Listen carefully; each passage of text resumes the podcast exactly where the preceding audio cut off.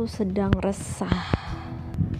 Gak tahu kenapa ini jadi jadi bahan pikiranku gitu.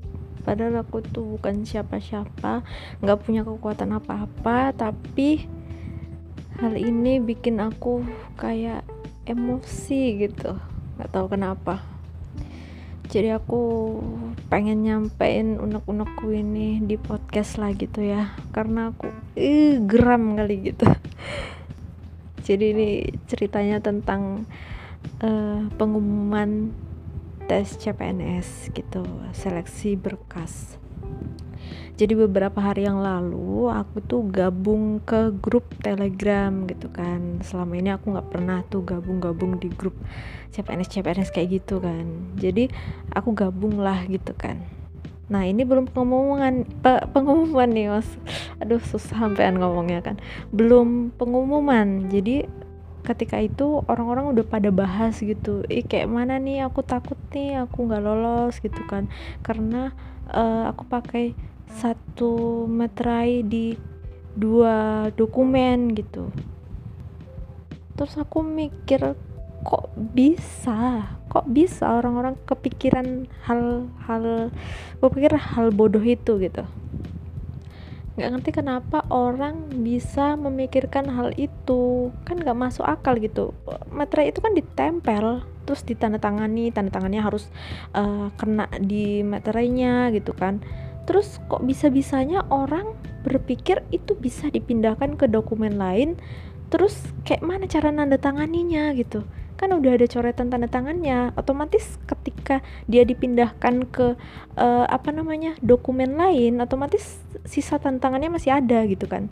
Nah kalau sisa tanda tangannya masih ada otomatis dia bakalan berpikir kayak mana caranya untuk menyambungkan tanda tangan itu dengan um, tanda tangan dia yang di kertasnya gitu kan Nah dari situ aja udah kelihatan gitu kan kalau usaha-usaha itu nggak masuk akal gitu. Usaha-usaha kayak gitu itu curang gitu kan. Tapi kenapa ada orang yang berpikir kayak gitu? So aku nggak ngerti kenapa bisa orang berpikir kayak gitu astaga. Terus terus kemudian uh, udah pengumuman nih dan ternyata banyak gitu orang yang nggak lolos nggak lolos seleksi berkas gara-gara meterai ini gitu.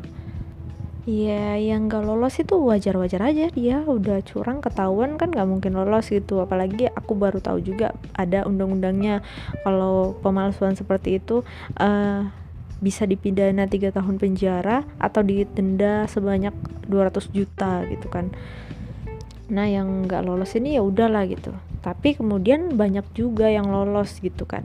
Banyak juga yang lolos dan mereka itu kayak apa ya aku baca di twitter gitu kan kayak uh, bikin alasan-alasan kalau nggak apa-apa loh ini nggak apa-apa loh uh, pakai satu materi du dua dokumen gitu aku lolos kok kayak gitu.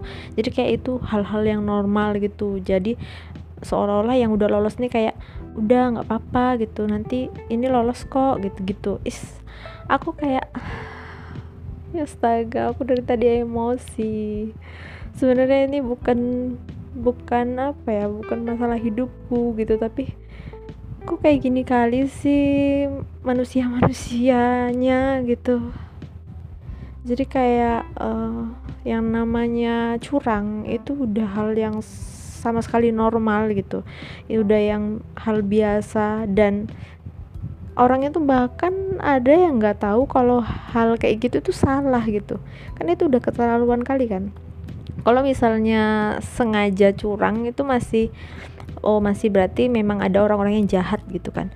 Nah ketika itu curang tapi yang berbuat itu nggak tahu kalau dia curang itu berarti kan kecurangan itu udah jadi budaya gitu. Dan budaya itu susah ngubahnya gitu.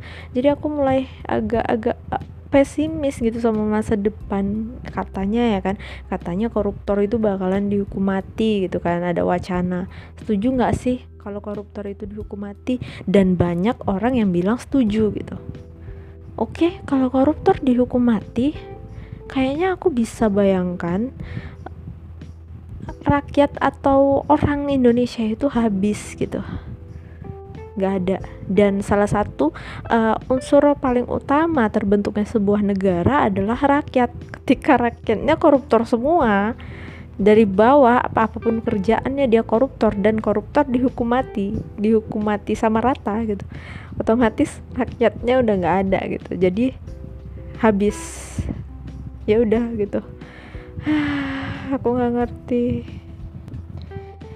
ini sempat juga jadi pembahasan aku sama rekan kerjaku gitu kan. Jadi kami berencana mau bikin komunitas kejujuran gitu kan.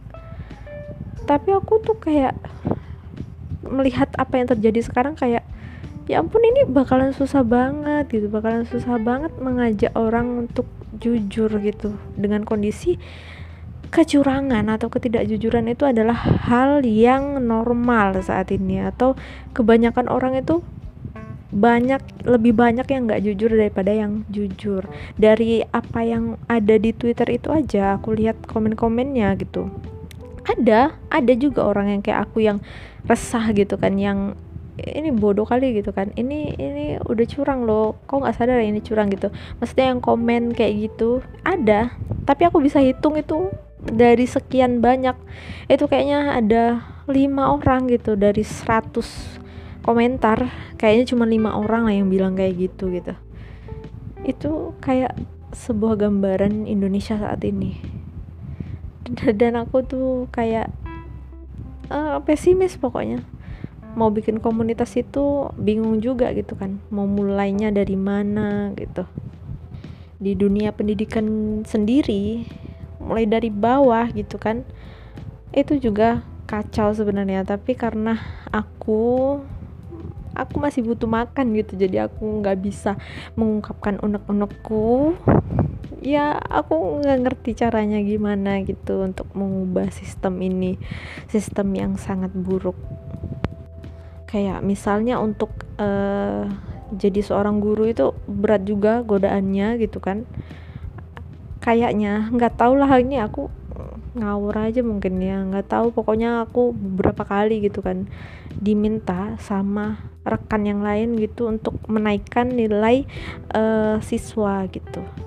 Dan aku nggak ngerti ini ini dia dapat sesuatu dari orang tua siswa tuh gimana gitu. Aku nggak tahu dia berani beraninya minta aku uh, buat naikin nilai kayak gitu dan ini nggak cuma satu tujuan dari menaikkan nilai juga itu untuk uh, ke sekolah yang lebih tinggi kayak gitu. Dan ketika nanti si anak ini ke sekolah yang lebih tinggi otomatis mungkin dia bakalan bercita-cita jadi apa gitu jadi bagian dari negara ini. Nah ketika dia udah ada di atas kayak gitu otomatis dia nggak ada lagi nilai kejujuran dalam dirinya karena ya dia didukung sama orang tuanya dari bawah gitu. Dari masa sekolah dia udah didukung kayak gitu. Terus gimana? Ini nggak ngerti aku masalah ini. Dan itu bikin aku pusing. Seharusnya aku nggak mikirin ini karena aku siapa gitu kan? Hanya rakyat jelata. Tapi nggak ngerti lah pokoknya aku tuh kayak emosi. Lebih ke emosi sih jadi aku pengen ungkapin semuanya di sini. Mungkin itu aja kali ya. Ah, capek aku. Udah deh